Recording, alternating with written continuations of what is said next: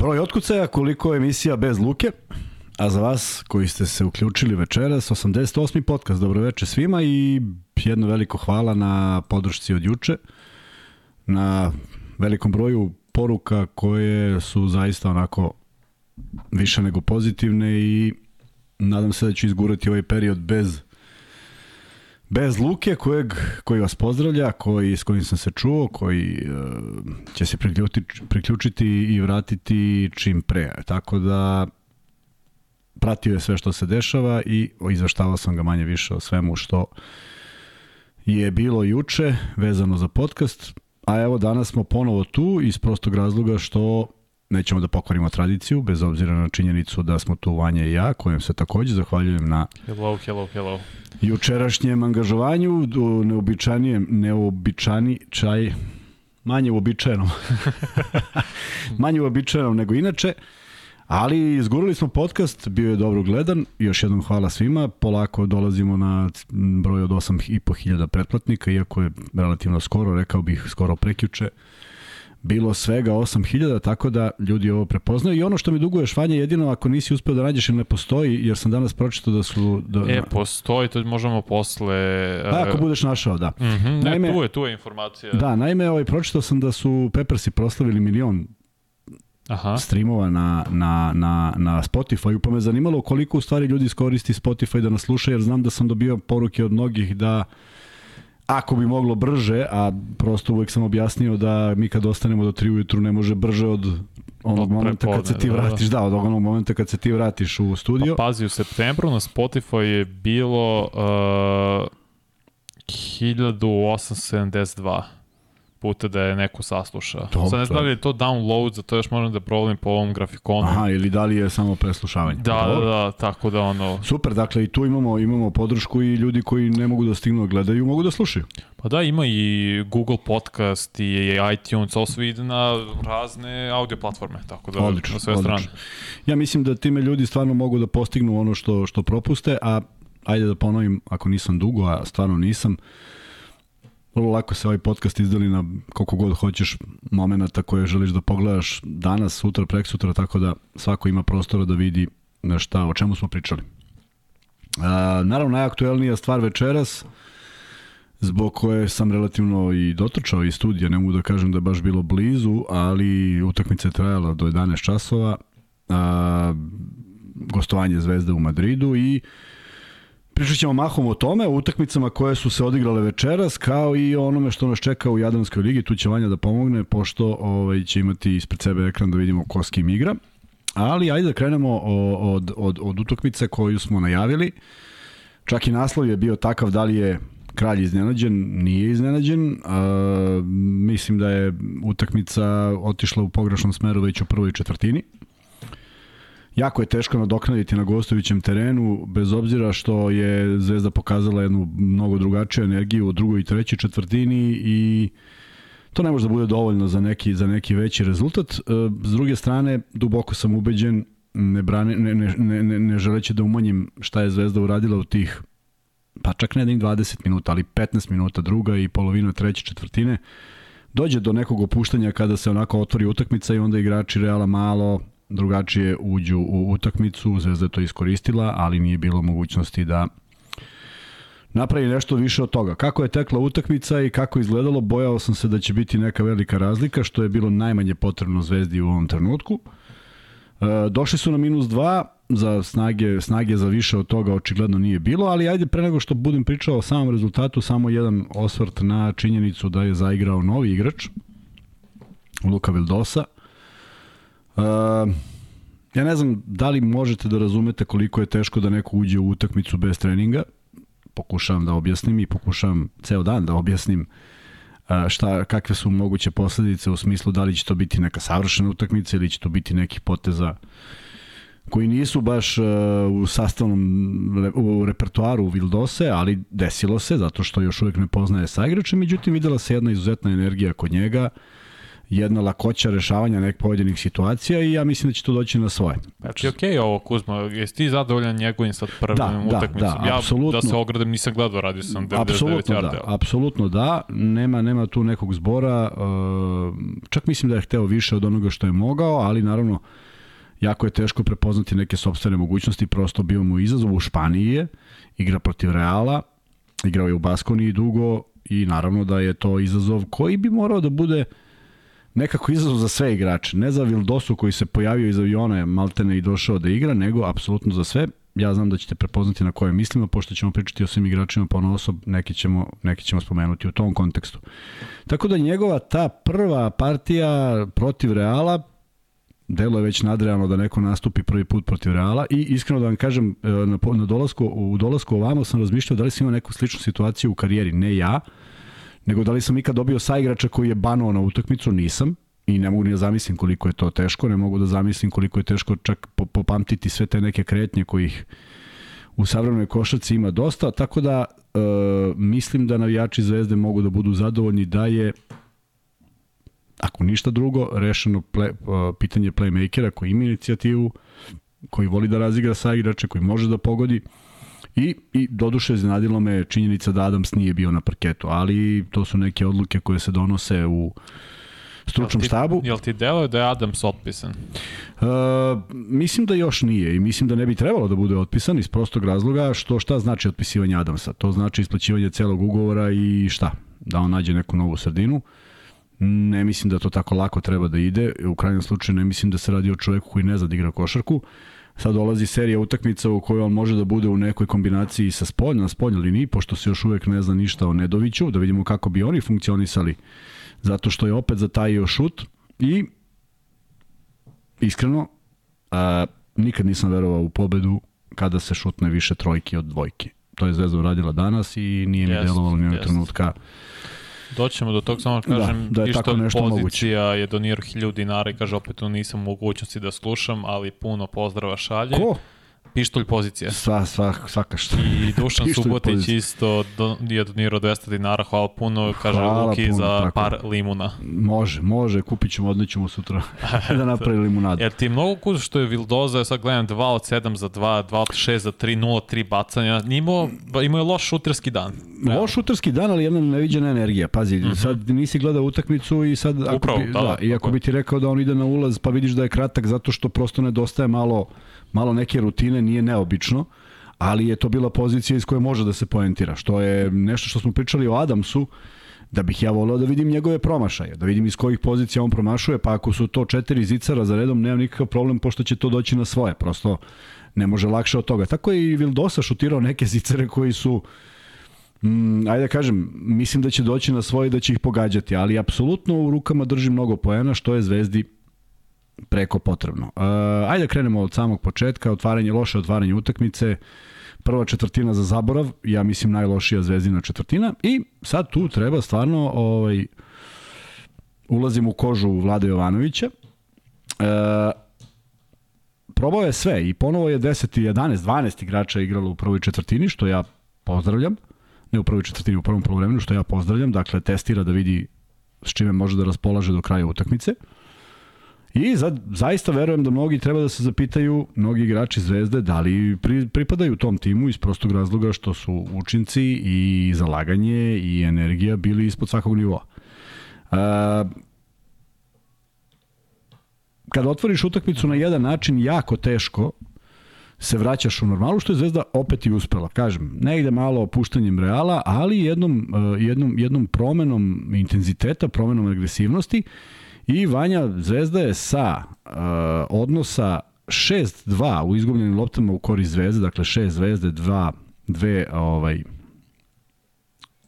Reala. Reala došla na 8-7 u jednom momentu kada se i došlo do tog rezultata od 44-42, a mislim da je na kraju Real možda imao više Real je na kraju imao mnogo više izgubljenih lopta, je 19, Zvezda imala 12. Tako je, upravo to je sad. A u, u, već u prvoj četvrtini je bilo 6. Dakle, mm -hmm. Zvezda je za 30 minuta izgubila 6 lopta. Znaš šta je, je najveća razlika? Izvim što te prekidam. Zvezda je 11 asistencija, Real 21. Tako je, tako je. Bilo je. Pa, e, zato, što, zato što je, izbacili su ih iz reketa, to je činjenica, nije bilo lako postići koš, ali prosto u onom momentu kada Real otvara drugu, treću četvrtinu i pravi seriju faulova i ulazi u bonus, pa valjda je onda nekako logičnije da se koristi bonus i ja čisto sumnjam da je Vlada Jovanović tražio da se šutiraju trojke do besvesti, mislim da ih je Zvezda šutnula previše u tom periodu.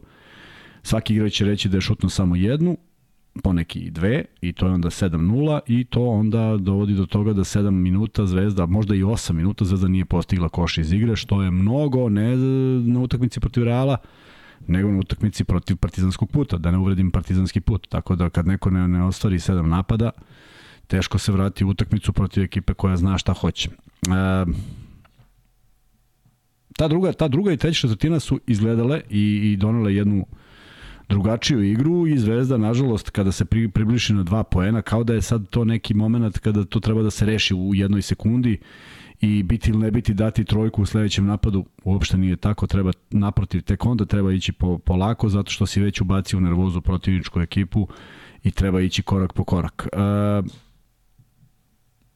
molim te, kreni, kreni od sastava ekipe, čisto zbog... E, pa ću zvezde, naravno. Aha, pa da, naravno. Bo, Holland, 15 minuta, 7 poena, 0 od 2 za 2, 2 od 4 za 3, Uh, da, 2 4 za 3, 1, 2 bacanja, mislim jedna asistencija, dve izgubljene lopte. Holand je neko ko je dao izjavu na polovremenu i rekao jednu vrlo lepu stvar, sve zavisi od nas, mi moramo da budemo bolji, agresivniji i to je lepo kad kažeš, ali prosto moraš nešto i da isporučiš. I onda u momentu kada uh, počinje tad to drugo polovreme, onda on baš, baš je taj koji gubi loptu i primaju trojku, baš njegov čovek daje, tako da nije lako, nije, nije, jednost, nije samo bitno reći, nego je stvarno bitno ovaj, uraditi to sve.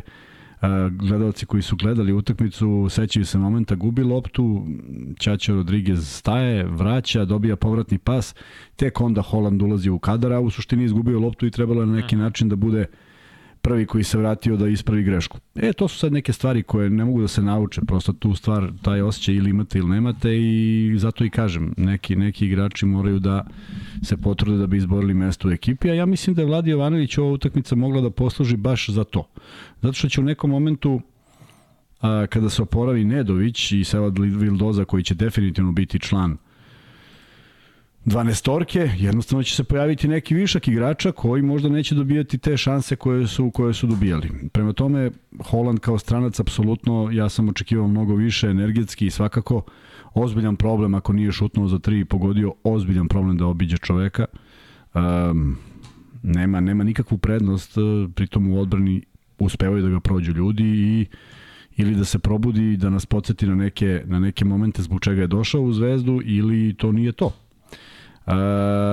ali da ne bude naravno da je njegova, njegova krivica i njegova greška, jednostavno cela ekipa je u tom nekom momentu bila u toj minus fazi, a nije se istakao u onom momentu kada je kada su bel, preko potrebno bili neki jednostavni poeni. I stvarno, uh, ne, mislim, ne mislim ni na jedan način da su igrači uh, Reala, jači, brži, pametniji, bilo šta, ali jednostavno igrali su čvršću odbranu u, u pozicijama 1 na 1. I to je, to je, defi, to je definitivno tako. Čast izuzetak, čast izuzecima, kao što je Mitrović koji se tuko do poslednjeg momenta i dogod je igrao pravio je ozbiljne probleme uh, Tavaresu, tu je naravno učestvovao dobro i Lazarević koji je napravio neke... Pa on je baš sledeći igrač kako ste igrao je skoro 25 minuta, mislim, ja jedin problem mora, što vidim nije imao sem trojke, nije šut da iz da, igre. Mora da bude neki bolji učinak, mora da pronađe sebi poziciju za mhm. šut, mora da uđe ispod koša, mora da nešto lagano Mnogo je tu bilo nekih finih stvari koje se manje primećuju, ali generalno a, ukoliko su Lazarević i Lazić u petorci, onda ta, ta ekipa ozbiljno trpi što se tiče nekog napadačkog potencijala. Međutim, u momentu... Izašao je sa pet faulova. Da, da, izašao je, da, napravio je muške faulove, sve je to imalo dosta smisla, nije dozvoljavao lake poene i pravio je faulove uglavnom, uglavnom u onim momentima kada se to od njega očekuje kada je dobro zaustaviti protivnički napad. Međutim, kažem, mora da se uključi nekom svojom minijaturom, nekom željom da uzme loptu ispod koša i da da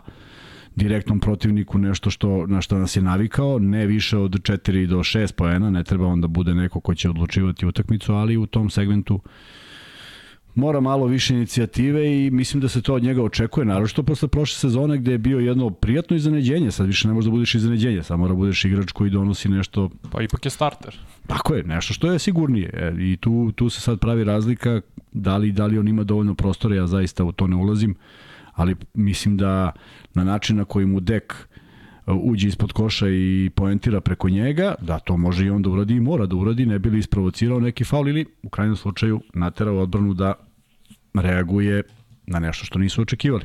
Da, sledeći Mitrović koji je igrao malo više od 14 minuta, samo dva poena, jedan od pet iz igre. Mislim, generalno Zvezda je loše šutirala iz igre. Užasno je šutirala, jeste. 11 od 27 Mislim, do 3, 8 da. od 32. Da, mnogo, mnogo loši procenti i sad mislim da, da, da meni je žao što je Mitrović bio toliko dugo na polju, bio je neko ko se stvarno borio i opet odradio dobar deo posla, par puta mu Tavares daje koš tako što, što lopta uđe u obruč bez obzira na njegovu dobru odbranu, prosto igrač je dominantan visinom i koristio je tom najbolje moguće, međutim izlazi iz onom momentu kada faktički prima blokadu, pa još jednu ili, ili je već nešto bilo ovaj, podjednako, podjednako loše u napadu i šteta što je proveo na klupi toliko vremena i zaista nisam, sad sam iznenađen kad si mi rekao da je 14 minuta, delovalo mi je znatno više. Ali, ali, mhm. ali i u odbrani u napadu neko ko, u, kojeg se, u koga se treba pouzdati i mnogo je teško igrati leđima sa, Tavaresom. sa Tavaresom i mislim da je to bila neka ideja Vlade Jovanovića pre nego da Mitrović nečem nije zadovoljen. Samo da kažem da je Haris Hasan Spahić donirao pet bosanskih Maraka. Hvala Hasane. Posta, podcast Pozdrav Sarajeva, ako može mišljenje o Džanu Musi. Može, hvala. naravno, do, do, do, doći ćemo do toga. Da, da, Real, da. Pa će, uh, Branko Lazić, mislim, igra 17 minuta, koliko ja vidim, skoro nikakav učin. Da, to se redko dešava, da, to se nula. redko dešava, ali to je neko samopouzdanje koje stekne ekipa. Ti znaš da, da, da je Branko Lazić čovek koji povuče svoju ekipu kada stvarno ne ide. Znam pre svega defanzivom, a stvarno mu se nije otvorilo ili Nije, nije mogla da se otvori da neki šut uzme ono iz ćoška njegovo sa, ili sa 45 stepeni pa da na neki način uđe u igru. Faktički uh, opet, opet u onim ulogama kojima ga poznajemo, ali Euroliga ne trpi više da to može da se da se radi sa bez učinka u napadu. Dakle, mora malo više slobode i ja mislim da on uh, je daleko od toga da je loš šuter, daleko od toga da će ući nekada u 5-0, jer nije taj tip, ali da proba jednu, dve, tri, apsolutno može, međutim prosto nisu bile pozicije i kažem Zvezda je već, već u startu uh, utakmice je nagoveštavala veliki broj šuteva za tri poena što se na kraju i obistinilo. Tako je. Uh, Hasan Martin je igrao skoro 18 minuta, 8 poena, 3 od 4 iz igre, da. 2-2 bacanja, 2 skoka. Da, bilo je tu dobrih stvari od njega i naravno što se dobro snalazio protiv znatno višak Tavaresa, par poena. Uh, uz neke faulove, međutim u momentima kada je trebalo pogoditi koš sa neke polu distance, nisu to bile izrađene akcije, da se razumemo, dobio je lopte kao vruć krompir, ali jedno je pogodio, jedno nije, međutim nekako, nekako kao da nema sigurnosti kad je on u igri i ovaj, um, dosta nedefinisana pozicija zato što koliko god se trudio i nije bio loš u defanzivi, ali prosto kada vidiš Tavaresa u odnosu, u odnosu sa njim, nejasno je, nejasno je kako kako ga zaustaviti i uh, treba treba treba možda malo pogledati. Treba ja mislim da svi oni pogledaju kako Tavares ulazi u reket. To je u stvari vrlo bitno. Uh, Tavares se negde na penalu, to su, to su makar učili centre u moje vreme, na penalu odjednom okrene i zauzme tako dobru poziciju da ako nisi stigao pre njega uh, na to mesto, dakle on kreće u akciju, onda si u ozbiljnom problemu, on to jako dobro koristi, faktički igrač koji je od jednog pa ne kažem kako izgledao kad je došao, ali nije obećavao. Međutim, toliko rada, toliko truda i toliko je sada bitan faktor u igri Reala, zatvara reket u potpunosti, mnogo je veliki problem i kad ostane sa nižim igračima, kamoli kada čuva nekoga koji je, koji je niži, a na poziciji 5. Mitrović je zaista učinio sve, ali uh, i znam da je hteo, imao najbolju nameru kad je krenuo taj neki levi polu horog, ali negde mora da zna da Tavaresu i tako visoki, toliko višim igračima jedina šansa da daš koš ako mu se uneseš u lice i daš taj tu loptu proturiš što bliže obruču. Znam da je to podjednako teško, ali... Tavares ima odličan instinkt za blokadu. Svakako. Kako da ne, kako da ne. Ali znaš na koga podsjeća? On strahovito za tim instinktom za blokadu podsjeća na Rebraču.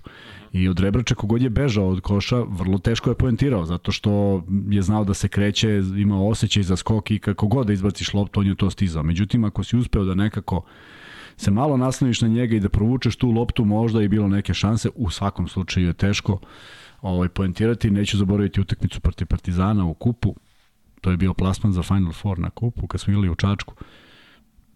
Dobio sam loptu u ćošku i bio potpuno sam i kad sam namestio šuta nisam baš šutirao nešto pretrano sporo, mislim da sam imao dovoljno brz izbačaj Ja u tom trenutku je Rebrača skočio, prosto nisam video uopšte, salo nisam video, ne koš. Znači ja sam šutno toliko instinktivno, jer je odjednom se sve, sve ne postoji, ne postoji konstrukcija, ne postoji ništa. Ne vidiš nijednog saigrača, ne vidiš ništa kad je Rebrača skočio koliko je mogao, srećom, lepo sam izbacio loptu i kako je on doskočio ispred mene, ja sam proverio sa strane onako.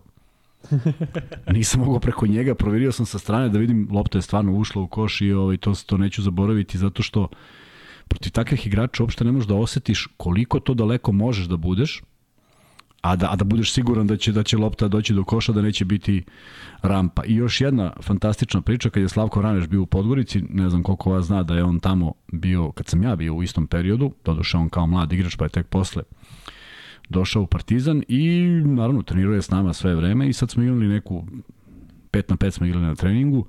Ja sam povukao kontru, e, neko je bio ispod koša, neki nizak igrač, nisam teo da idem do kraja, nego sam vidio da Slavko trči pa da me, da me ne uhvati baš u onom momentu kad polažem.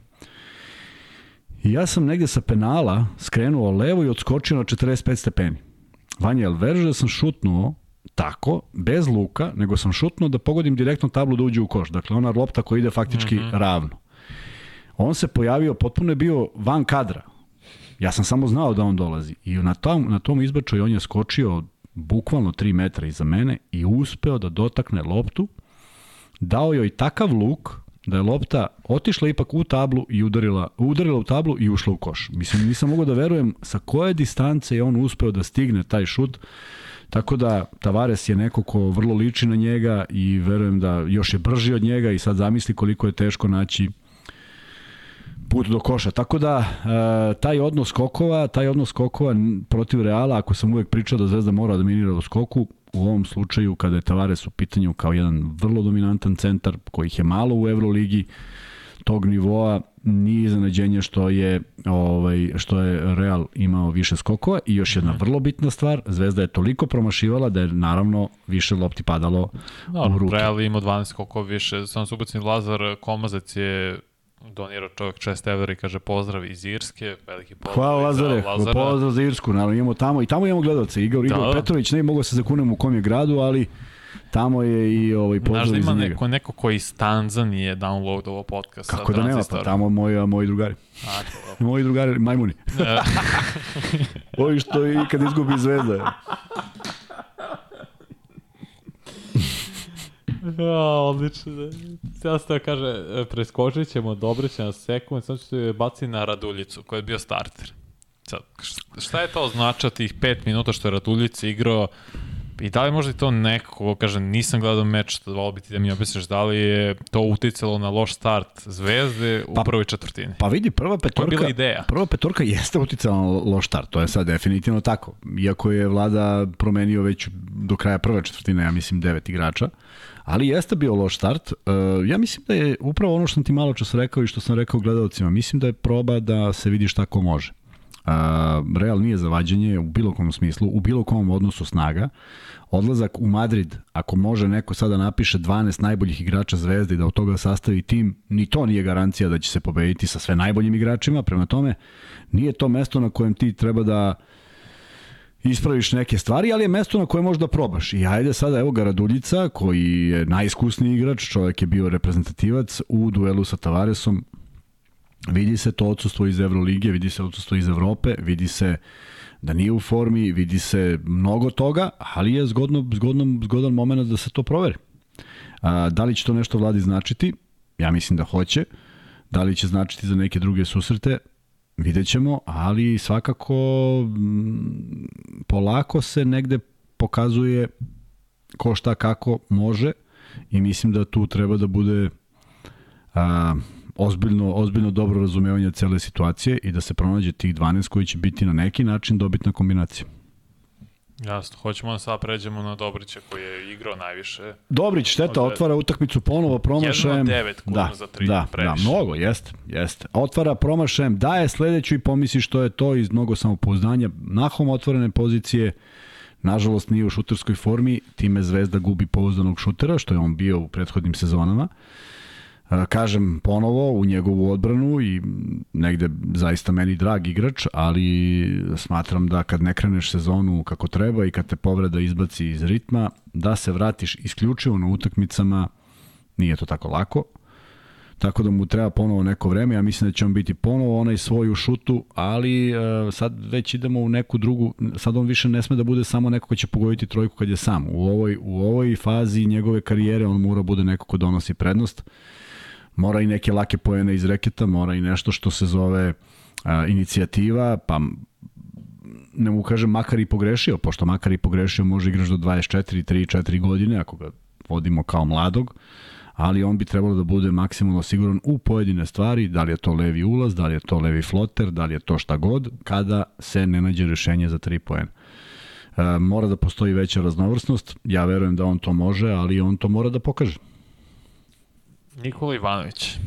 Nula Misterija, misterija za mene, momak koji toliko ima dobrih predispozicija, toliko je brz, toliko je... Možda, možda ne treba Adams da otpadne sad ovo, sad ja pričam gluposti, šta ako odlu- se odluče da je možda Ivanović previše? Ne, zato i kažem, ne mislim da treba Ad- Adams da otpadne, mislim da je Adams tu neko ko je izvisio za ovu utakmicu iz prostog razloga što je na njegovo mesto došao igrač i što je očigledno da Vlada Ivanović ima više poverenja u Ivanovića nego u Adamsa u tom trenutku, ali Um, zaista se ništa nije desilo i na moju veliku žalost jer imam jako lepo mišljenje o tom momku iz hiljadu razloga. Jedan od razloga je kakav je, kakav je čovek pre svega, u smislu da ne postoji ni jedna kontroverza vezana za njega u Podgorici, to je jako teško u Podgorici, živeo sam tamo tri godine.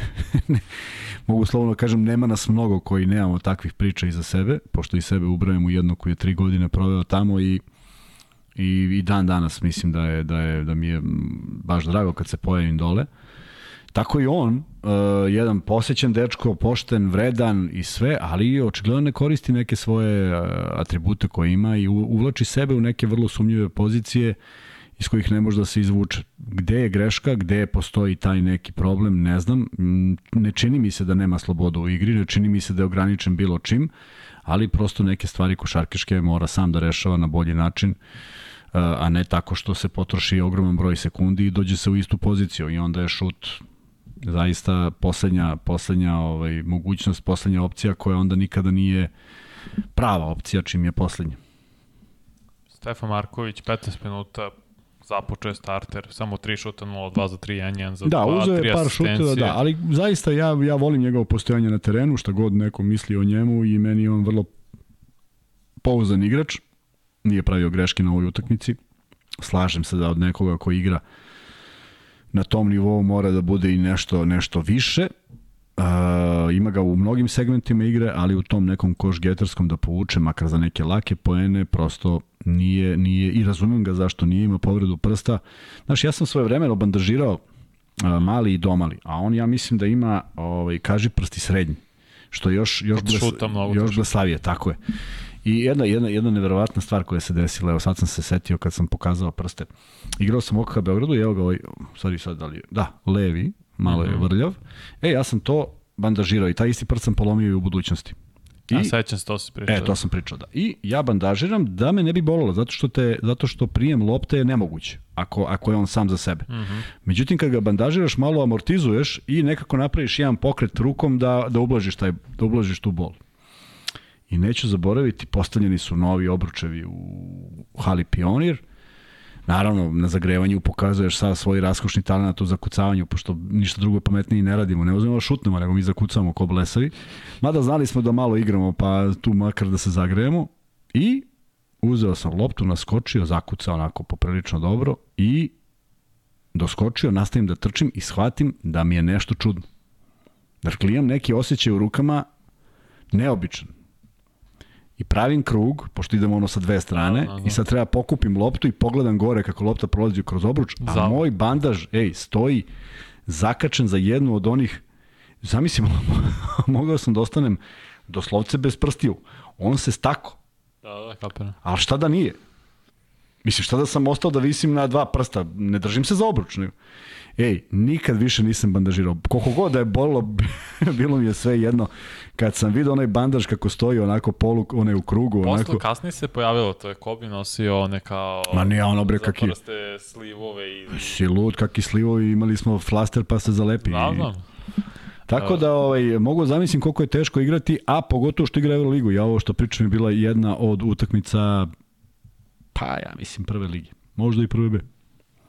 da nije bilo mnogo važno da li si bandažirao ili nisi. I još je bila leva ruka. Da, da. Uh, Petrušev, samo 7 minuta. Samo 7 minuta, Pet ja mislim... je makar imao. Jeste, ali 7 minuta u kojem opet nema nikakve energije, na moju veliku žalost, nema čak ni ideje za košem, krenuo je neki prodor pa je bio faul, to je bilo sve. A, neko od tih dimenzija, tih e, preispozicija, da ne bude da ne bude naj, najluđi u pravom smislu reči, najenergičniji na terenu, ja prosto ne mogu da razumem. I sad tu dolazimo već do nekog karaktera koji on ima ili nema. Ne sumnjam i dalje u njegov košarkaški talent u smislu napadačkog, ali nisu to sve stvari koje mogu da se reše, pa u ostalom, ako i mogu da se reše, onda je treba da preuzme neku odgovornost i da i on učini nešto. Srećom nije šutnuo za tri poena kao i svi, jer to ne bi značilo da je preuzeo odgovornost. Jeste, a? Nula, da, jedno. Jednom, da. Ali A, to kad se, znaš, i svi su šutnuli po jednom, pa neko i dva puta i to onda bude 9-0 i... Mitrović, Lazić i Raduljica, jedan koji nisu šutnuli trojke. Dobro je. Zamisli da su još i oni šutnuli. Tako da ovaj, on ostaje velika misterija šta može i šta se od njega očekuje. Opet, uh, svi ti minuti kad se skupe, Vlada Ivanović sigurno ima neki stav po tom pitanju. Ne želim da prejudiciram i ne mislim da je taj dečko za bilo kakvu... I čak i nema konsekvence. Um, on je protiv Efesa, da je trebalo da baš pokaže nešto, baš zbog toga da pokaže, ej, ljudi, nepravedno ste me držali na klupi, sad ću ja da vam pokažem. Nije pokazao. I onda je dobio izuzetno veliku minutažu u okviru ABA lige, pa je onda igrao i protiv Panatenikosa pristojno, a onda izostala utakmica, al tako? Onda je bila Baskonija, izostala je mhm. utakmica protiv CD Vite. Tako je. I evo opet je dobio minutažu. Jeste sedam, ali, ali šta je urađeno za tih sedam? Ništa. Ne mnogo. I to je ono što, što čime se nameće mlad igrač, osim ako mlad igrač ne misli da je mnogo bolji od svih ostalih, onda to ima ozbiljan problem. Ja kad sam ulazio u igru, nisam mislio sam bolji od bilo koga i radio sam sve što niko neće, ne bi li zabeležio Dodatne minute. To nešto, tako je. I ne bi li neki trener rekao, u je, baš je bilo dobro, ostao si zato 48 sekundi duže, a ja srećan dođem kući, pa nije više 7, nego 7,48. Tako da, sve su te neke stvari, vremena se dosta menjaju, ali neke stvari se ne menjaju. Ako želiš da impresioniraš trenera, impresioniraš, impresioniraš ga onim što on očekuje od tebe, a ne nečim što niko ne očekuje, pošto to ni nije mnogo važno. I na kraju Bentil je Beljovo bio, kako ja vidim, najbolji Bentil kad se sve sabere, tako je. 17 poena, vrlo efikasan, 3-4 za 2, 3-6 za 3, 2-2 bacanja, 5 skokova, mislim. Tako je, sve odradio, čak mislim da i defanzivno nije ispadao, mislim da je i pokazuje da ima najstandardniju formu i apsolutno neko ko je u konstelaciji svih ovih visokih igrača sebi namestio poziciju, al tako? On prosto, ja ne vidim da može Zvezda da igra bez njega, da ima da ima nekoga ko će postići sa tom lakoćom te poene. Jeste no, on uzeo... je neka četvorka. Tako je, četvorka. Tako je, četvorka, ali i Petrušev je četvorka. A ne boj zem. Pa, slažem se. I Hasan Martin treba da igra četiri ako je Mitrović u igri. Ne može da igra pet. Može, ali protiv nekoga koje je njegove visine, a protiv uh, Tavaresa jako teško. Dakle, jedno mesto je popunjeno, to je Bentil i zaista nemam šta da prigovorim s obzirom da je bio u Gani nedavno i sigurno je i to uticalo na neki njegov put ovamo onamo, ali konkretan, danas najbolji, izuzetno malo šutnutih lopti sa jednim velikim brojem poena. Koliko ima šutnutih lopti? 6, 7? Mm, je 3, izvini, 3 od 4 za 2, 3 od 6 za 3. To kažem, znači, 9, pa to je to, to je fantastično, dakle nije se on nešto istakao u bilo kom negativnom kontekstu. Nažalost i on je uleteo u onu priču kada su bili promašali za tri, pa i on promašio. Naravno sve se promeni kada pogodi, ali Um, nijedan šut koji uzeo nije bio bez nekog rezona, bez neke pozicije, tako da mislim da je on i negde najkonstantniji igrač Zvezde, ne samo zato što postiže te poene, nego zato što uh, u onom momentu kad on uzima kad uzima šut ili to vidiš da je nek, neka izrađena situacija iz koje može da se očekuje dobar ishod. Uh -huh. I kamo sreće da Zvezda ima više tih igrača koji mogu da isporuče 15 pojena po utakmici bilo bi svakako lakše. U svakom slučaju još jedna njegova dobra igra, nedovoljna za pokretanje tima i e, zaključak što se tiče Zvezde e, sigurno će se napraviti neka, neki, neki rez, negde mora se donesu neke odluke. Ne zaboravimo da Dalibor Ilić čeka svoju minutažu, negde verovatno ne zadovoljava neke kriterijume, ali ako pogledamo ove dve utakmice u Španiji, možda ima još igrača koja može da zameni pa da pokaže da li zadovoljava u, u nekom boljem procentu to što od njega traži Jovanović, u svakom slučaju vidjet ćemo i ono što je vrlo bitno, ako je bitno, a, utakmica koja sledi je utakmica protiv Bajerna. Dve u, dve ekipe bez pobede i to je nešto što već sada, bez obzira na sve ovo što ja pričao da ove četiri nisu bile mnogo važne, jedina koja je izgubljena je Panathinaikos, to je jedina utakmica koja je teoretski pripadala Zvezdi pred ovaj nego što pred pred nastup koja je bila kao eto utakmica koja može da se pobedi, a ovo sad protiv Bajerna je, ne mogu kažem biti ili ne biti, ali vrlo bitno da Zvezda... Pa jeste, Kuz, izvinim što te prekao, sad vratit ćemo se na realno sekund, ako pogledaš Fener 4-0. Olimpijakos 4-0, jedine neporažene ekipe. Alba 3-1, Baskonia, Emporio Armani, Maccabi, Monaco, to je već znači 7 ekipa, 2-4-0-5-3-1. Sve to stoji, ali... Zvezda i Bayern su jedini bez pobede. Sve to stoji, ali ko je još imao 1-3 u, u, u jedan domaćin, tri gosta? Uh... E, to je, to je sad... E, aha, misliš koji je samo tako jedno, je, tako, tako kaperam. Tako da, to su neke nelogičnosti koje ja ne mogu da razumem i mislim da su neki timovi ničim izazvano favorizovani kad igraju od 4-3 utakmice kod kuće i sad ti kreneš sa 3-1. Zamisli da, da su Partizan i Zvezda na 3-1. Pa to je... Slavlje. Pa tako, pa tu nema. A nisu na 3-1 zato što se takav tice okolnosti. Kod Partizana što su nažalost izgubili neke utakmice dobijene, a kod Zvezda zato što su imali tri gostovanja.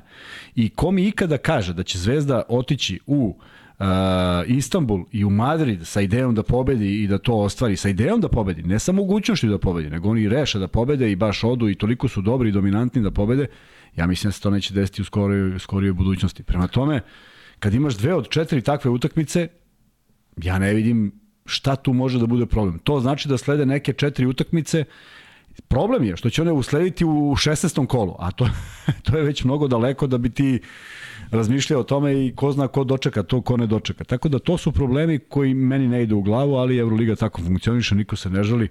Ja mogu dalje da pričam šta god hoću.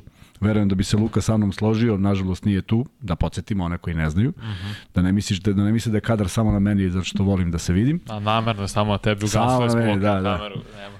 Tako da ovaj, uh, sve se to poklopilo i sad ta utakmica sa Bayernom predstavlja, ajde, neki početak. Dakle, da li je kasno, da li nije, neću da ulazim u to, ali svakako je to nešto što bi Zvezdin stručni štab u momentu kada su dobili raspored utakmica, Verovatno su štiklirali Panathinaikos, ok, prošlo je, nije pa prošlo kako Panata, treba. Za, uh, pardon, izvini, ide Bayern, 28. Da. da. Zatim Monaco. Kod kuće. Da. Ide u gostima. Ne, u gostima. Opet, u gostima opet, pa da. Da, da, dve opet u gostima, nakon Bayern ima tako Zvezda. Tako je, pa i zamisli, Zvezda će imati šest utakmica u gostima, sedam utakmica u gostima, je tako? Evo, pazi sad raspored. Čekaj, sad smo na četiri. Budi sad sam. Ajde, znači, Bayern... 1-3. Tako je. 2-3. Znači Bayern o, kod kuće. 2-3. Zatim Monaco gosti. 2-4. Fener gosti. 2-5. Asvel kući. 3-5. Alba gosti. 3-6. Makabi kući. 4-6. Virtus kući. 5-6. Znači tek će u 11. kolu da se izjednači Tako je. Donekle taj odnos snaga. Partizan u gostima, faktički... Do, da, to je nema veze. Ali, ali, 5, ali, ali, ne, to hoću ti kažem, zato na, od uh, Makabija, narednih pet računit će Partizan je u Beogradu sve. E, to je to, eto, to je to. Znači, to... ceo pola decembra, zapravo od 24. novembra do 15. decembra eto, ti si u Beogradu. Odlično. I sad zamisli, da, da sad, ajde, sad zamišljamo, pošto je Zvezda u lošoj situaciji, mm -hmm. pobedi Partizan u, toj, u tom derbiju i ostvari pet pobeda. Znaš koliko to drugačije izgleda sa ovog aspekta, ali tako? Da, naravno. Ali je problem dočekati spreman tu te utakmice i reći, ok, mi ništa nismo izgubili. A verujem da se čita na društvenim mrežama sa vakakve budalaštine. Dakle, svako je trener i svako zna šta je Vlada Ivanović trebalo da uradi, to me najviše i nervira, verovatno. Pritom, nisam trener i ne treba da štitim struku, ali znam i neke trenere koji imaju nešto protiv toga. Ja bih bio srećan da moj drug, kakvi su Nena Čana koji je bio ovde, kakav je uh, Oliver Popović koji je bio ovde, kad, ja, ja sam bio srećan kad oni postanu treneri. Ja sam navio za svaku njihovu pobedu jer su moji drugari. A sad zamisli koliko kolegijalnost treba pokažu treneri. Pa jedan Vlada Jovanović, pa to treba bude zadovoljstvo svih, a ne da pričaju uh, gluposti. E sad, gluposti idu toliko daleko da evo sad ću ja jednu da demistifikujem. Uh, u četvrtom minutu Zvezda je smanjila drugog polovremena, Zvezda je smanjila 44-42. Stavi pol. Kad je trebalo izvršiti izmenu sledeću? Da li tada kada je Zvezda na 44-42 ili za 16 minuta, pošto bi ti igrači popadali mrtvi. Stavi pol. Šta je, Ček, ček, kad je trebalo izvršiti izmenu? Da vidimo šta kažu naši gledalci. Znači ne tada, nego kada. Kada? Kada je trebalo izvršiti izmenu? Izmenu petorke, iz, izmen, Izmenu izmen, petorke. izmenu petorke koja je, ajde nemoj sad, ali je- slušaju ljudi pa znaju o čemu se radi. Koja je Ok. donela rezultat? Dakle, ajde. Da vidimo šta kažu naši gledalci. Jer e, prosto, A moram da im dam nešto ponuđeno. prosto četiri, a? Moram da im dam nešto ponuđeno. A daj, to što kažeš. Tada ili kasnije? Ne može, potpuno je glupo, da, vidiš da ne razmišljam. Zato što će reći kasnije jer ne znamo šta je bilo kasnije. Da, da. Da, batali pol, nije važno. Nema, nema pola, ja se izvinjam. Nema pola, pol je otputovao, pol, vidimo se. Vidimo se. Ovaj, nije ni važno, ali hoću da kažem sledeću stvar. Svako misli, znaš, niko ne zna šta bi bilo kad bi bilo i to je potpuno logično. I sad nekog dođe i kaže nije trebalo tada izvrši izmenu. A kad je trebalo? Zvezda je mogla da povede četiri razlike. Oni moraju da izađu u nekom momentu. Cela ideja je da kad ti uđe igrač sa klupe donese tu energiju. Ako te energije nema i tog rezultata, ma, oni moraju u nekom momentu da izađu. Pritom, da je ovo utakmica biti ili ne biti, da je ovo utakmica koja odlučuje nešto, da je ovo neko finale nečega, pa razumem da ostanu oni do kraja, pa dok hodaju, hodaju. Tako bi se ja bar mm, ponašao da sam trener. Ustavio bi rekao, e, ajde, vi ne smete da izađete, to je sad dobitna petorka. Međutim, nije. Mora da se izvrši izmena, umaraju se i u krajnjem slučaju Zvezda u jednom momentu pred, u poče, na početku, ja mislim, drugog polovremena, stavlja, što bi Darko Plavšić volao da kaže, najpotentniju petorku. Dakle, Vildosa, Bentil. Dobrić, Holland, Bentil i ko mi fali? Možda je bio Bitović. Znači, prosto jedna petorka ko, od koje svi mogu da pogode. Bez problema. Možda je bio i Martin, nije ni važno. Dakle, svi imaju po koševu i jedna izgubljena lopta, jedna šutnuta trojka promašena, druga šutnuta trojka promašena, nigde nekog sigurnog poena. Prema tome, ne ide to baš tako i ja i dalje, ne zato što imam neki odnos sa Vladom Jovanovićem, prijateljski ili neprijateljski, prosto poštojem tog momka koji je došao na jedno vrelo mesto, na jedno vruće mesto, na kojemu treba podrška. E, momak je dao izjavu, kaže čeka nas još 55 utakmica, mi pričamo ove četiri, nemam šta da, da, da pričam na tu temu. Naravno da je to sad izazvalo neki skandal, pošto valjda nije rekao istinu. Kao da ima još jedna utakmica do kraja sezone, a ne 55 crta se podlači u određenom momentu, gledamo i mnoge druge klubove, gledamo jednog trenera kojeg su do, do, do skoro obožavali, mislim, mislim da ga i dalje obožavaju, Dejan Radonjić koji ima iste probleme u Panatanikosu, e, ništa bolji situacija ako se računa da imaju 1-3, dakle za nijansu bolja u jednoj utakmici koju je Zvezda izgubila više nego što je Panathinaikos dobio, prema tome ajde da budemo malo strpljivi da damo tom momku šansu. Mislim da svojom smirenošću treba da uliva poverenje svima nama, a ne da neko razmišlja da li je napravio dobru izmenu i da li je uradio ovo ili ono u pravom momentu. Tome smo skloni, volimo da pričamo o tome. Ja i dalje pokušavam da objasnim samo jednu stvar, da mu je playmaker stigao danas, do danas ga je prvi put video kako igra, do, do, do juče ga je video kako šutira verovatno, nije ga video kako igra. Danas ga je video kako igra, treba da ga uklopi u sastav, treba da donese odluku ko ne igra. E, nema najboljeg igrača koji bi trebao da bude vođa ovog tima, nema ga od početka sezone.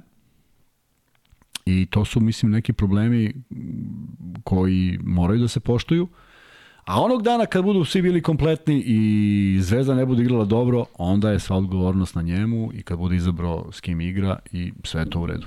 Ja sad ćemo preći malo na Real, čisto da spomenemo i krenut ćemo od Musa koje ima najviše pojena, 13 pojena. Opet niko se nije sad istekao iz, iz Reala, mnogo, on imao 13, Jabusele 11, Tavares 10, Dek 12, o, Čača Rodriguez 6 pojena i 8 asistencije, tako da Real vrlo timski odigrao i da se najprostije izrazim, izdominirao zvezdom u prvoj četvrtini posle je bilo sve lagano. Samo zategni taj zglob. Ne, ne, ovo je iznad.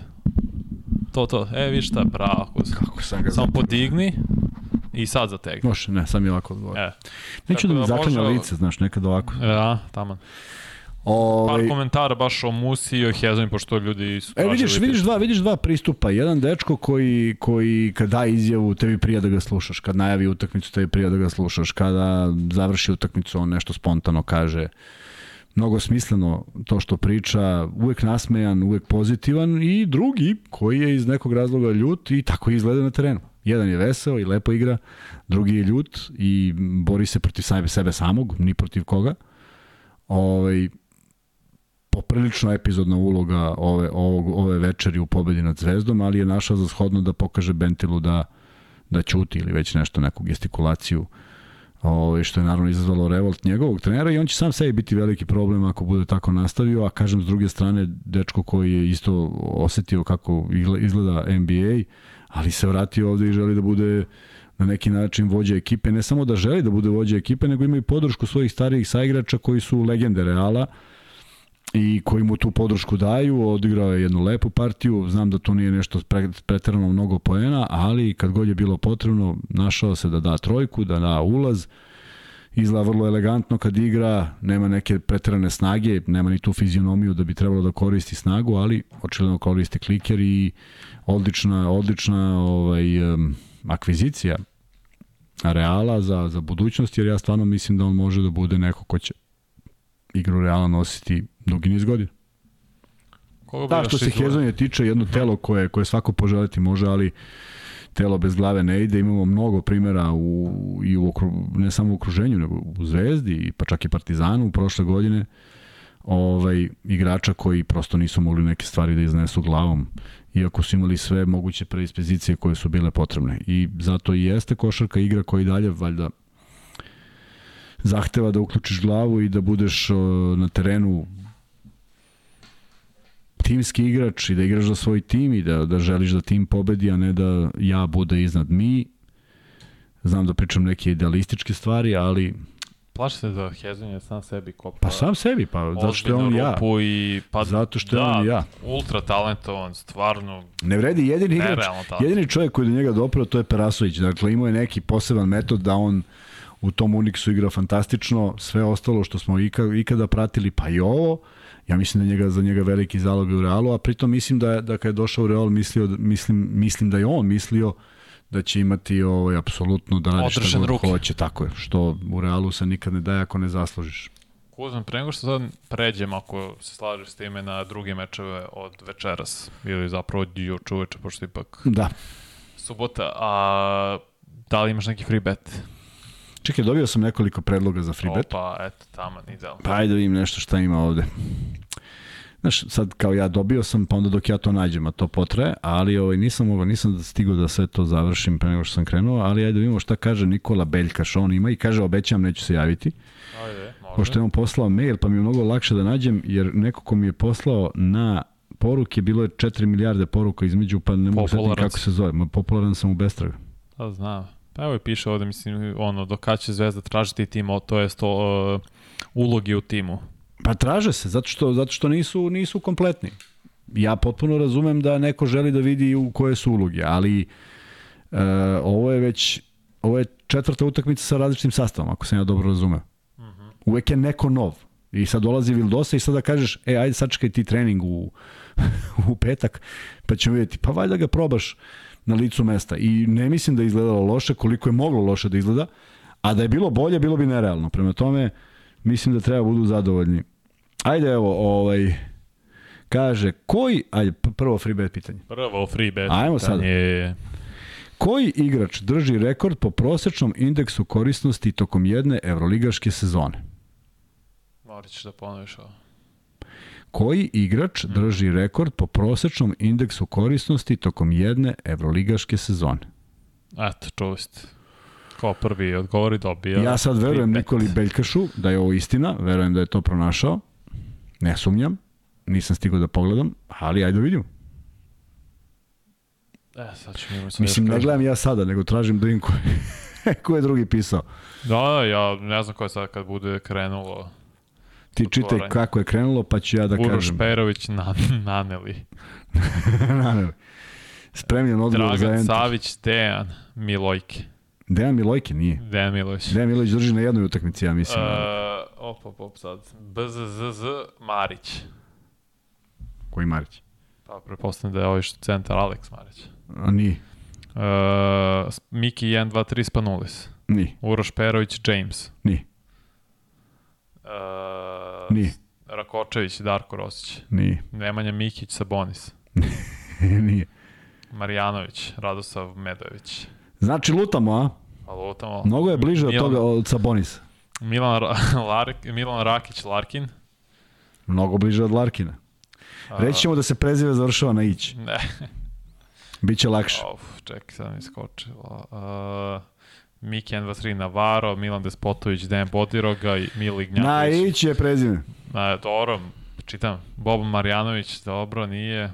Ko prvi kaže na ić, taj će. Dejan će. Stoljko, Stojiljković i Đorđević. Nije. Uh, kaže, Vanja Kuzma Vest o povredi Havarda, završio sezonu, nogu je verovatno polomio. Protiv, ba, o, čovjek iz Baskoni, momak iz Baskoni? Pa ne znam, nek samo ljudi, on je kaže, ja nisam ispratio. Nismo mogli, 99 nismo mogli, igrala se paralelno, igrala se paralelno i završena je tek kad sam bio u studiju, tako da nisam stigao da pogledam. Hoću da pogledam jer je bio, što kaže ovaj jedan moj prijatelj, roller coaster. Primili su dva puta po 30 poena i dali jednom 30 poena u četvrtini, tako da... BZZZ Peković. Ajde ovako, dakle, dakle da bi igrač imao najveći indeks korisnosti ne može bude back, to je prva stvar. I tu su f- apsolutno favorizovani centri, prošto ne može Nedović, niko... Tanoka, Ne Birt, može, ne može, ne Parker, može. oh. Dakle, radi se o centru. Sezona 2000-2001. To je sezona kad sam ja igrao u jednom klubu. Bogdanović, Jaka Laković, Mirotić, Ma ne može bek, ljudi, pa ne može. Peković, Gudurić, Milović, Mirotić, Zaboravljate jednog. Zaboravljate jednog, bio je odličan i bio je stvarno MVP. Tomašević. Tako je, ko je to rekao? Ilija Živodinović. Eto, Ilija, Ilija Majstor. Eto, bravo, Ilija, Ilk je pogodio. Ilke. Uh, čekaj da ima tu vest. Ovo je Marko Ajde, ajde, otvori, otvori da imamo za Howarda, jer nismo ništa dobili tako dok je trajalo, dok je trajao studio.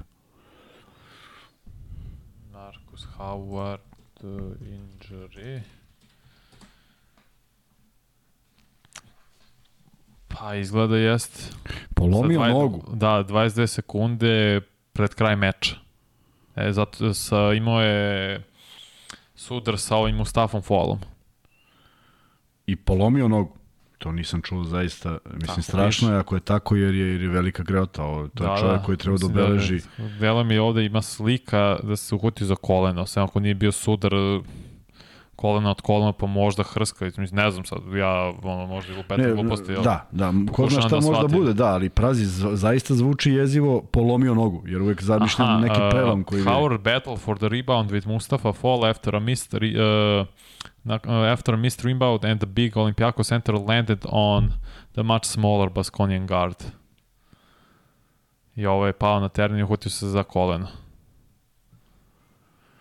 Tako da, da. Šteta, to mislim 22... Ne da je šteta, nego, nego neko ko je trebao da obeleži ovu Euroligu... Kaže, je- evo, Mili Gnjatović piše Mustafa je pao unazad i pravo na Howarda. Tako da, mislim, onda kapiram ako je taj vrst da je možda čak i da nije polomio nogu, da su ligamenti zapravo.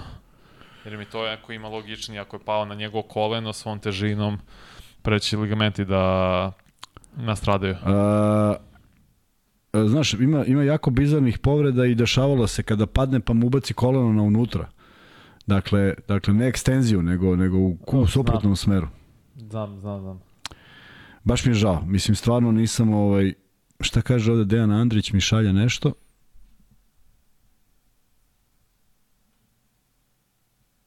Lovern prokidao prednje ukrštene, ej.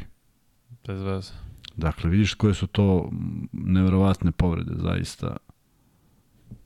Mislim, možemo da se nadođe na taj meč Baskoni Olimpijako, što ti je rekao... pa, Žao mi što nisam 32 gledao, nisam stigao da gledam, ali ću pogledati. 32-16, prva četvrtina Pogledaj, pogledaj ti Olimpijakos. šta je to išlo. 32-16. 31-10, Baskonija, druga. Onda 20 nerešeno treća, je li tako? Tako je.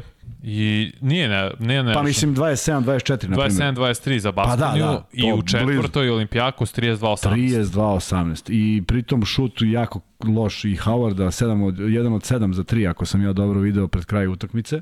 Jeste, jeste, samo Koliko je 11 ukupan? poena. Koliko je ukupan? A pritom opet su dali veliki broj, 11 trojki su dali. Malo je igrao Howard, e, samo 18 minuta ima Eto. 11 poena, da, dali su 11 Ja bih trojki. to pogledao čisto da vidim kako su, kako su čuvali, ali sad to možda i nije mnogo važno ako ne bude nastavio sezonu, mada me zanima kako je Olimpijakos čuvao ovaj Havarda, to bi me... Drugi to... su imali dobro uloge, Holmes imao 12, Kocar imao 16, Vanja Marinković 12, Sede, Kerki, Sede, e, Sede Kerskis imao 15 poena, svako pomalo, s druge strane Olimpijakosa, Slukas 20, Vezenkov 26. 20, ali kažu da je dao 16 u posljednjoj četvrtini. Pa, iz- izgleda izdominirao, pošto je nije maša izbacanja 9 od 9. Posljednji u, še, u četvrtoj je dao 16 pojena. Da, da, od 32 celog tima. Neverovatno. Mislim, svaka mu čast i rešio utakmicu protiv Reala, tako da heroj dana u Grčkoj je apsolutno on. Dalje, sledeći meč, Anadolu Efes Alba. U, teška muka, Alba je vodila sve vreme i... Alba koja je ušla bez poraza, 3-0. Tako je, i sve vreme su vodili, tek negde pred kraj Efes uspeo da ovaj, pobedi. Video sam jednu vrlo interesantnu izjavu Vase Micića koji hvali Albu i mlade igrače koji tamo igraju. Divno naravno da neko pohvali na taj način nečiji rad. Ne dešava se to teško. Mi bar ovde nismo svedoci tako nečega da je moguće ali ovaj očigledno teška muka za za Efes kojima je ta, kojem je takođe bila potrebna pobeda da malo izađu iz te neke minus faze, došli su sad i oni do 2-2, imaju 2-2. Tako, tako, tako je. je. Tako da ovaj ništa tu se ne dešava spektakularno osim što postoje neka iznenađenja za koje nismo očekivali, za neke stvari jesmo, ali Vasa je bio baš dobro, rekao imao koliko vidim, loše šutirao iz igre, 3 od 7 za 2, 3 od 10 za 3, ali uz 20 poena imao 11 asistencija. Naravno ima svoje, sad pazi, kakav je bio Clyburn? Clyburn imao 16, ali Pa loš šut iz igre, Da, 2 od mi 10 dvojica, za pa je- 2 i 3 od 9, za, znači to je 5 od 19. Da, evo vidiš, dakle, prošle su, prošle su tri utakmice uh, od Partizana. Partizan Baskonija, Zvezda Baskonija, savršen Howard i onda danas šut na 1 od 7.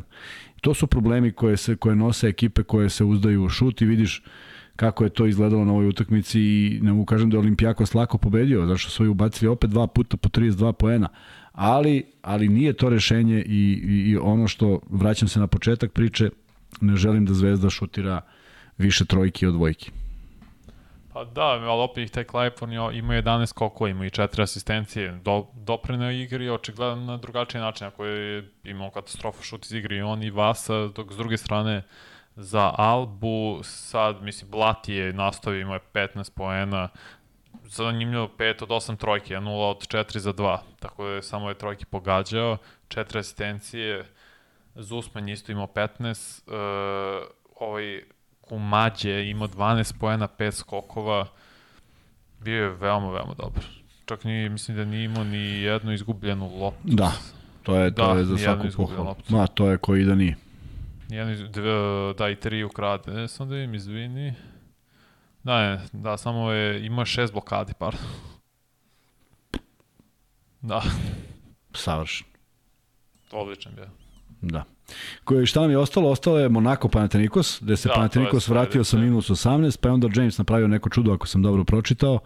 Mada smo to uspeli malo da pogledamo dok je bio kraj na nekom na James nekom ima 27. Da, na nekom momentu gde je, gde je, ja sam pogledao, polovreme je bilo, tačno, bilo je polovreme, ušao sam u redakciju i video sam da je Williams po, stigao po izjednačujući poen, 60 nešto, 60 nešto, naravno, posle toga nisam mogao da gledam, pratili smo, ali vidim da je dovoljno sigurno završio. Williams ima 28, bio je... Da, kažu da je bio odličan i da je on u stvari vratio u život ovaj, eh, Panathinaikos eh, sve sam.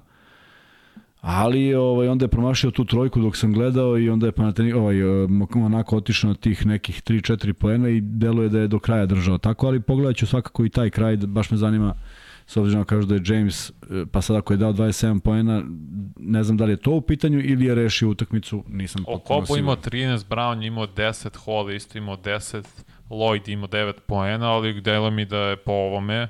I James je, mislim, 609 za 2, 3 od 7 za 3, sad se solidno je šutirao, samo bacanje na 610, to je... Da, vrlo interesantno. Daje trojku, neku nenormalno, onda ide na bacanja i, i promaši oba. Da, Što je vrlo interesantno, ali dešava se.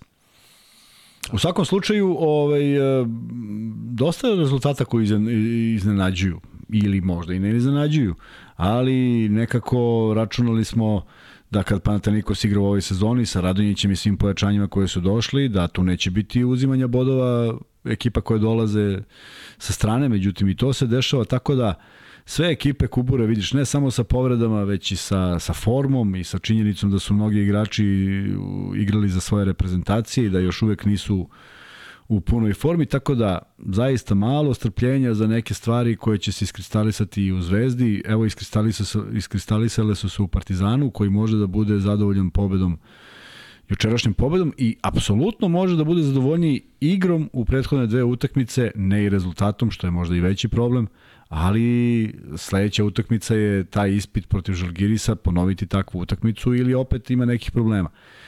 Sve to, sve to deluje, sve to deluje velika nepoznanica, tek kad se uđe u neki ritam u koji su partizanovi igrači ušli, u koji zvezdini nadam se da će ući, da bismo gledali što je interesantniju Euroligu u, što se tiče srpskih klubova, da ne bude da ne bude da je još jedna sezona e, kako bih rekao ljudi to očekuju da je osam tako dostižno, tako jednostavno, a u stvari mnogo daleko. zahteva, mnogo daleko, mnogo zahteva i stalno ću ponavljati dok svi naši gledalci, pratioci, slušaoci, pretplatnici, oni koji lajkuju i oni koji ne lajkuju ne shvate da 10 ekipa ispada iz, iz, iz tog play-offa, prema tome mnogo više onih koji ispada nego od onih koji ulaze.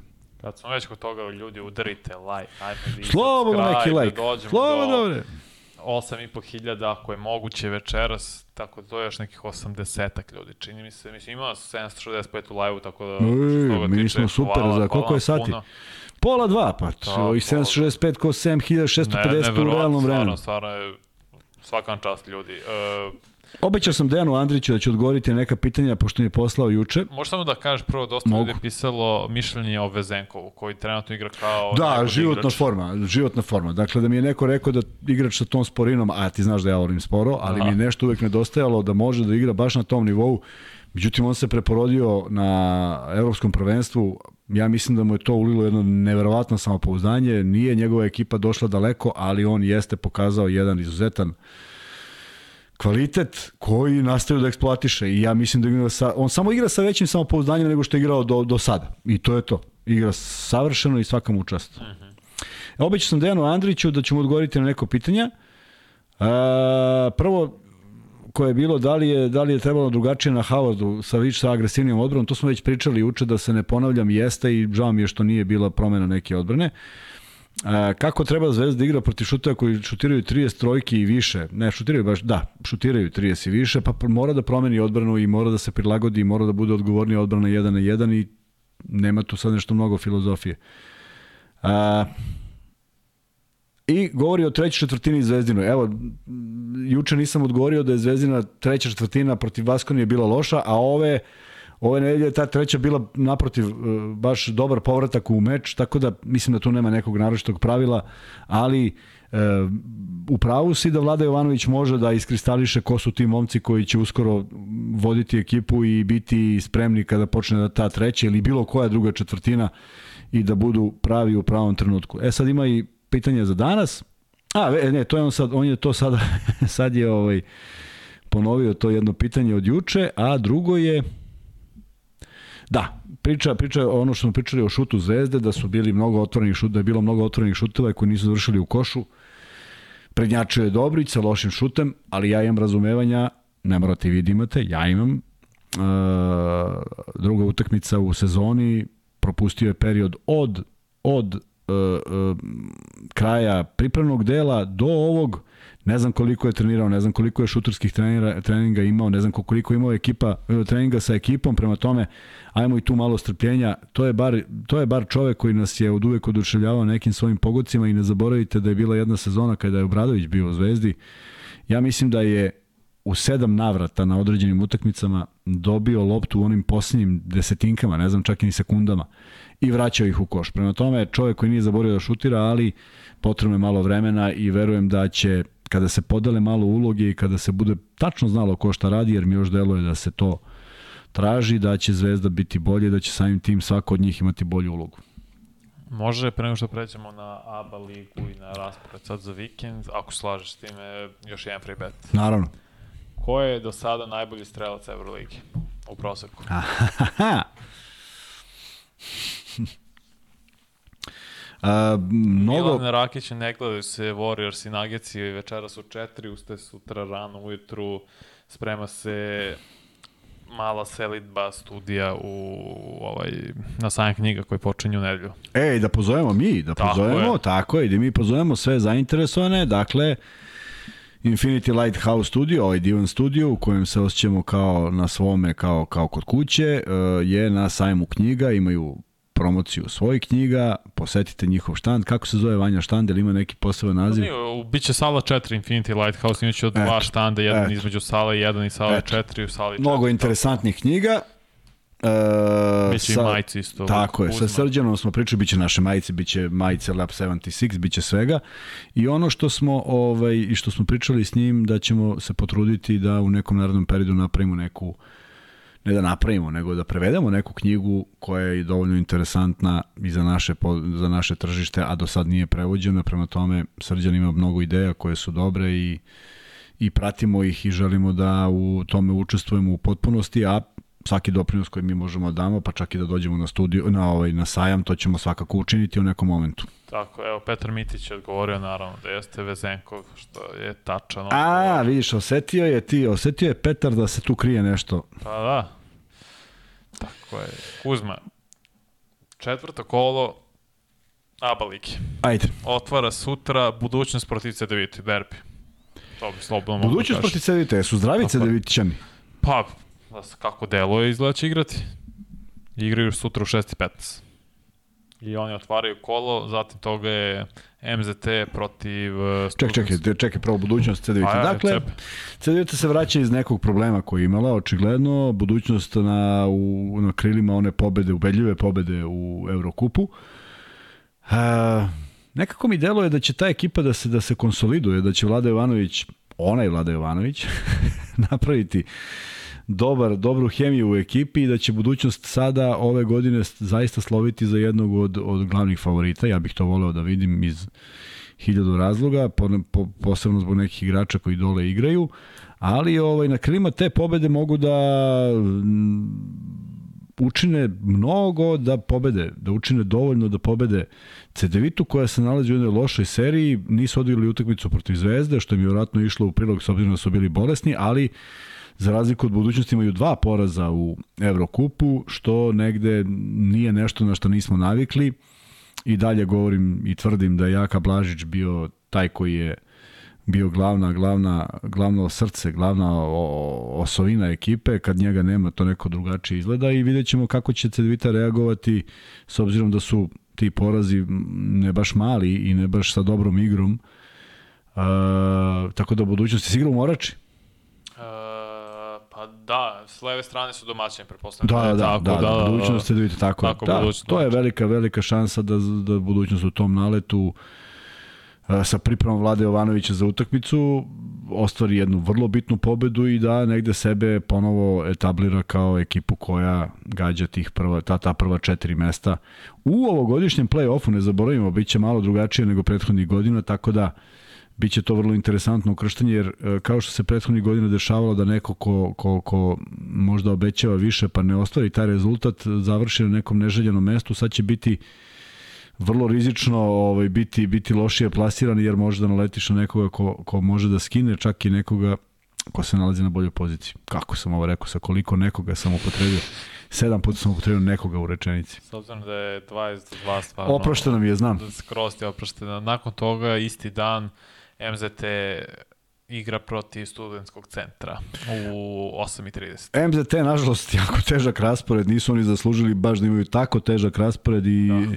ja bih se radao njihovoj pobedi zato što znam koliko je žele, koliko tu ima nekih finih igrača i finih momaka i koji uh, samo pa kako bih rekao, žele da dođu do te neke prve pobede, da se zabeleži, da su, da su je ostvarili, da krenu u neku uzlaznu putanju, jer raspored im nije bio naklonjen i vreme je za neku njihovu pobedu i držim im palčeve da pobede zato što bi mi bilo drago da se taj neki kvalitet prenese i na Makedoniju, na, na jednu zemlju koja je, za one manje, koji manje znaju i koji su mlađi, imali dva fantastična tima, MZT i Rabotnički u prošlosti, i taj Rabotnički je stalno varirao između prve savezne i prve B lige, sa izuzetnim igračima svog, svog vremena, tako da eto, meni taj rabotnički stvarno nedostaje ovako iz neke nostalgije, ali tu je MZT da pokuša da vrati taj klub na neke stare staze i da opstanu u ovoj ligi u smislu da ne budu pošteđeni nekog ispadanja, nego da jednostavno budu dovoljno do konkurentni da se nađu na dobre poziciji nakon toga u nedelju u 12 sati u podne, tačno Mega Mis protiv Cibone. Da, to su oni termini koji su uvijek bili čudni, ali su se no, odomaćili. Španska ACB liga. Odomaćili su posljednjih deseta godina, nekada su bili potpuno onako, kad bi neko kaže da igramo u 4, meni već nije dobro, a zamisli u 12. Uh, ko si rekao Mega i? Cibona. Mega Cibona, dva, dve ekipe koje nisu startovale kako su želele, možda iz objektivnih razloga, neke mladosti pre svega, ali Mega koja je pojačana Gage Milosavljevićem koji je već na prvoj utakmici pokazao da je u dobroj formi, da je povreda prošlost, da traži na neki način novi angažman, da traži sebe u košarci, da je veliko pojačanje u svakom smislu, da donosi jedno novo iskustvo. Volim da ga vidim na terenu, jedan izuzetan momak koji je imao te pehove koje je imao i povrede koje su ga zaista odvojile od terena na dugo, na, du, na duži period. Uh, vrlo interesantan zato što ima potpuno atipičan, atipičnu rotaciju lopte pri šutu, to, to mislim da niko nema i treba obratiti pažnju ako ga neko ranije nije gledao kako to izgleda, ali u svakom slučaju mislim da je tu Mega čak i favorit zato što su to jedna to je dve ekipe koje su mlade, pune nekih talentovanih igrača, ali... Prilika za Megu da zabeleži prvu pobedu. Prvu pobedu, tako je. Cibona mislim da ima jednu, je li tako? Uh mhm, -huh, tako da, je. Cibona je pobedila jednu, pa je za nijansu lakše, ali svakako uh, interesantna utakmica dve mlade ekipe. Nakon toga, pardon, Split protiv Ikuke u 5. 17 časova. Split i Gokea. Uh -huh. Gokea koja je uvek iznenađenje u onom pozitivnom smislu, uh, mislim da imaju plejadu igrača koji su negde imali pehove. Tanasković, da ne otkrivam, možda sam i otkrio šta je imao, ali ovaj, u nekoj od prethodnih emisija, ali meni uvrh vrlo simpatičan igrač Jošilo koji je bio na svim marginama pa je morao svoju treću da, sreću da traži kroz zemlju u okruženju, tako da su oni uvek onako temperana bomba, spremni za nadmetanje, E, mislim da su prošle godine pobedili Zvezdu u drugom, trećem kolu i to onako lagano. Ovaj, tako da ekipa koja je sposobna da iznenadi i e, nekako ti igrači uspevaju da sazrevaju kroz igru u Igokej, tako da mislim da mislim da je da, je, da dajem im šanse da i volao bih da naravno savladaju Split jer mislim da su ekipa u usponu i da mogu da da da da, da budu na vrlo iznenađujućem mestu na kraju sezone. Uh, nakon toga poslednji meč u nedelju u 9 časova, to jest pardon 21 Borac Mocar protiv Zadra borac sa teškim rasporedom, sa nekim utakmicama, eto, kao što je protiv FNP-a, pa poraz u posljednjim sekundama. Sad naleće Zadar sa jednim od najboljih igrača ABA ligi, apsolutno, mm. Luka Božić. Veliki izazov, pa i negde pritisak da pobede, zato što i oni imaju 0-3, je li tako? E, borac? Da. da, da.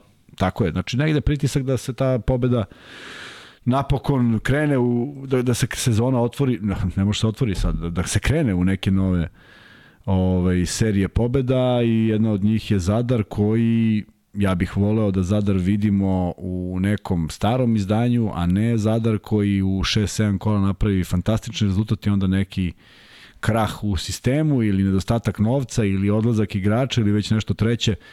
To se mnogo puta dešavalo, ali deluje da ovaj Luka Božić koji predvodi tu ekipu nema nameru da ide negde neko vreme i da, da, da se tu stacionirao i da, okupio, da su okupili oko njega dovoljno kvalitetne igrače da Zadar a, po prvi put u posljednjih x godina bude u nekom vrhu tabele i da pravi neke dobre rezultate. I to je dobro za košarku u regionu aha. generalno. I na kraju u ponedeljak u prvu še, u 18 časova Crvena zvezda protiv FNP-a.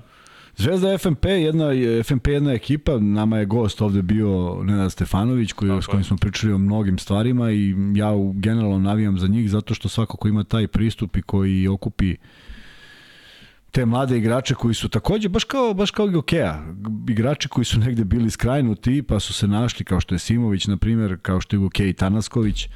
E tako oni prepoznaju u njima neki neki potencijal i to se i desi. E, veliki izazov za igrače FNP-a, igranje protiv Zvezde je neki highlight sezone, pošto kad budu se susretali sa Zvezdom i Partizanom zaista izlaze izvan okvira nekih svojih e, navika nekog komfora koji su navikli možda u, u ABA ligi, ovo je potpuno druga dimenzija, tako da će te dve utakmice, a evo je prva na programu, to jest te četiri utakmice, a prva je na programu, biti izazov za te momke.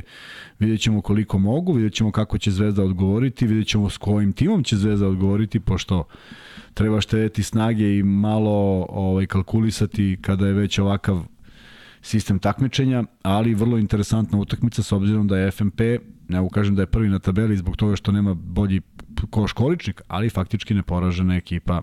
Tako je, 3-0. Tako je, tako je. Partizana. Tako je.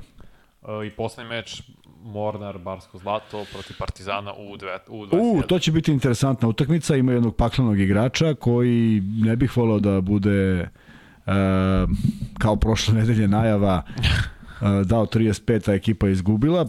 Ja sam uvijek bio pristalica daj 5, a ekipa da pobedi, ali Mornar prosto pravi na neki način sebi marketing kada pričaju o tom igraču i sve je to legitimno, ali bit će to veliki izazov za Partizan zato što će i on shvatiti koliki je to izazov i protiv kojih igrača se susreće. Ne verujem da će završiti na 40 poena, ako bude, bit će zaista iznenađenje, zato što mislim da Partizan to ne bi, sebe, ne, ne bi smeo sebi da dozvoli. Uh, A, međutim, uzima toliko šuteva da meni je prosto krivo što onaj Vladimir Mihajlović trpi sve to u smislu nedoslovce, ali ja mislim da bi on bio podjednako kvalitetan predvodnik te ekipe. U krajnjem slučaju tih 48 pojena koje je postigao su bili fantastični prošle sezone i nekako mi deluje da njegov učinak na u statistici Mornara trpi, ali situacija je takva, vidjet ćemo dokle će Kako se zove taj momak? Harper? Nije. Kako se zove? Lee, Gibson, Johnson, Jax. Nije važno. Taj, taj momak. Ja se izvijem, mora bi stvarno neko, neko ne zameri dva sata ujutru je ovaj, sva imena, svakakva imena su mi u, u glavi, ali ovaj, m, a, mislim da se on neće podrediti kolektivu, igraće dokle to bude Zar služilo. nije Russell, ne? Russell, pa to sam rekao Russell, odmah sam rekao Russell. Posle svih ovih imena sam rekao Russell. I Russell je taj koji će voditi glavnu reč, koliko će to utjecati na ekipu, koliko će to njemu dati dobru statistiku, ne znam, ne znam šta mu je u glavi, da li pobeda ekipe ili sobstvena statistika da bi prešao neki uh, uslovno rečeno bolji klub, jer ja mislim da i klubovi ABA lige zaslužuju svaki respekt, tako da nekada mi nije jasno šta misle po tim bolji klub, pa ode na Kipar za veće pare, ali nekako mi ne deluje kao realnost. Tako da, ajde da vidimo, vrlo interesantna utakmica, za nijansu, eto, teža Partizanu, s obzirom da su i oni imali ovaj pakleni raspored u Euroligi. I samo da još pomenemo da Partizan očekuje Žalgiris, je li tako? I to dan ranije nego, nego što igra Zvezda. Ja mislim da je Partizan u četvrtak, a Zvezda u petak. Zvezda je sigurno u petak, 28. E, onda je Partizan u četvrtak i da naravno najavimo tu utakmicu, iako ćemo o tome pričati u ponedjak, ali da čisto ovaj, spomenemo da dolazi Žalgiris koji je ostvario veliku i vrednu pobedu protiv Virtusa i protiv Barcelone, tako dve velike Da, da. pobede, tako je. e i sad 73, dolazi, 72. tako i sad dolazi sa jednim velikim samopouzdanjem, biće teško zato što su oni ekipa koja ne igra atraktivno, to je sigurno, uh, znaju kako da sačuvaju rezultat, znaju kako da unište igru, sve legitimno, sve dozvoljeno. Uh, mislim da je njihov trener takođe početnik u Euroligi, ali eto sada je na boljoj poziciji nego, nego i Zvezda i Partizan, to jest nego i Partizan i Zvezda i mislim da će sa velikim samopouzdanjem doći u Beograd, treba biti oprezan, bez obzira što su možda najskromniji po budžetu, sigurno nisu najskromniji po želji koju imaju da napravi još jedan dobar rezultat u ovoj, u ovoj Euroligi. Isto ne sanjaju, možda i sanjaju o top 8, ali jednostavno to je ekipa koja se stalno bori i u posljednjem kolu i kad budu 16. 12. 9. oni će se boriti kao da je to pitanje života i smrti. Možda to malo naučimo od njih, pošto smo mi to nekad imali, pa da ni jednu utakmicu ne prepustimo a, a, a, da otaljamo a delovalo mi je nekada da, da se to stvarno dešava i neka pogledaju svi igrači, ne mi koji gledamo, nego i svi igrači neka pogledaju onaj spot, svaka utakmica je važna. Glupo je reći da, da nisam imao toliko da sam imao privilegiju da igram Euroligu, ali ne toliko utakmica i svaka mi je bilo bio praznik zato što kad izađeš tim igračima na teren osjetiš se posebno, a ne izlaziš svaki dan. Euroliga je takva da ima veliki broj igrača, ne morate da tražite vrhunske klubove koji će biti u top 4, dovoljno dojete u Baskoniju da igrate protiv tog Howarda, pa treba da vam bude nešto nešto dobro onako da vam se desi i da date svoj maksimum. Prema tome, moj savjet svim igračima je da koji igraju Euroligu, da je igraju 100%, 2 minuta ili 38, potpuno sve jedno. Znaš šta, šta sad, sad skapira? Šta, da nismo, da nismo uopšte u programu? Ne. Sidiki Kone ima srpsko državljanstvo. Ko? Sidiki Kone, centar uh, iz ovog Mornara. Ima srpsko državljanstvo? Da. Pa li igra negde kod nas? Pa ne znam, bi piše 2019. na 20 igrao mladost Max Bet.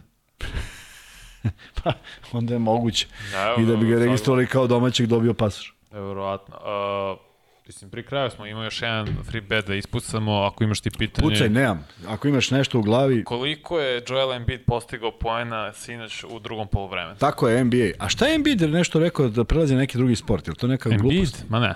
A, šalili su nešto. Šalili, da. Dobro. Znači, koliko je Embiid postigao poena u drugom polovremenu sinoć protiv Milwaukee-a. Tek je krenulo sezona tri dana, evo, četvrti dan se igra, tako nema ono.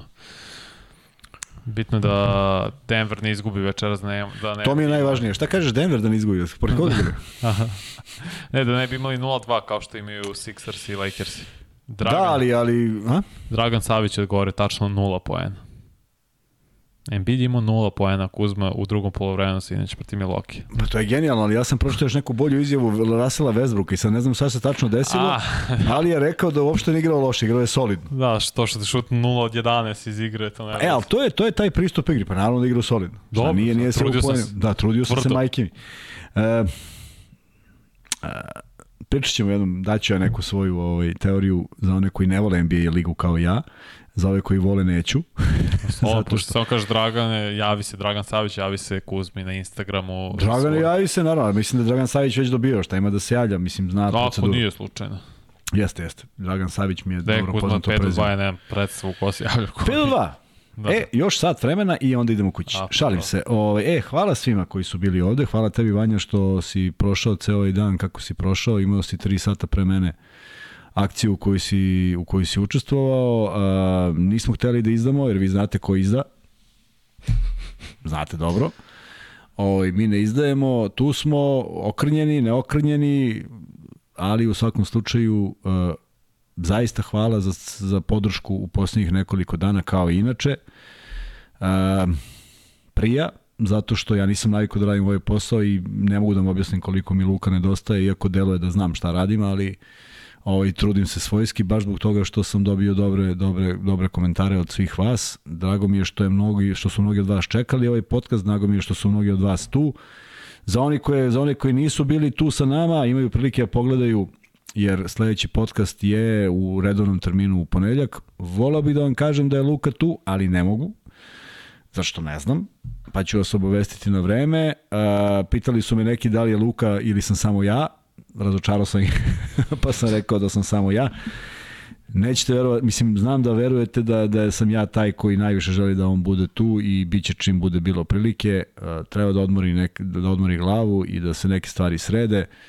Uh, ovako možemo, uz vašu podršku možemo ovako. Hvala još jednom što ste bili do zaista sitnih sati. Idem na spavanje, sutra me čeka opet jedan buran dan. Vidimo se u ponedljak, pričamo o rezultatima ABA lige. Kažeš Zvezda se igra u 9. Ne, ne, pa, u Zvezda igra tako? u 6. U 6, a Partizan? U 9. E, taman ćemo onda dočekati, taman ćemo da, dočekati zajedno. Pa viš, to nije loša ideja, Kuzma, da Da pratimo utakmicu? Pa da. Pa možemo. Samo sam sam, samo sam sam, nemamo pa komentatora, ali imamo mene, stručnog konsultanta. Pa, pa da, što da Može, ne, eto, eto, uključit ćemo se, možemo onda malo ranije. Ne, uključit ćemo se u 9, pa ćemo pratiti. Možemo u 10, 9, 15, 9, što da ne. I onda komentarišeš meč, daješ svoj, što da ne. Što da ne. Eto, prilike, idealna prilika da utakmica Mornar, budućnost, Mornar Partizan koja je u 9, da ispratimo zajedno, da pričamo o svemu i da se ponovo družimo. Hvala na svim porukama, na svim mogućim društvenim mrežama. Pratite nas na ome što je Vanja ispričao, ja ne mogu da ponovim. Pratite nas na Spotify-u, ako ne želite nas gledate, a nekad i nemate šta da gledate, ali mislim da imate šta da čujete i a, reakcije koje dobijam izgleda da tako stvarno i jeste. Laka vam noć i vidimo se u ponedljak.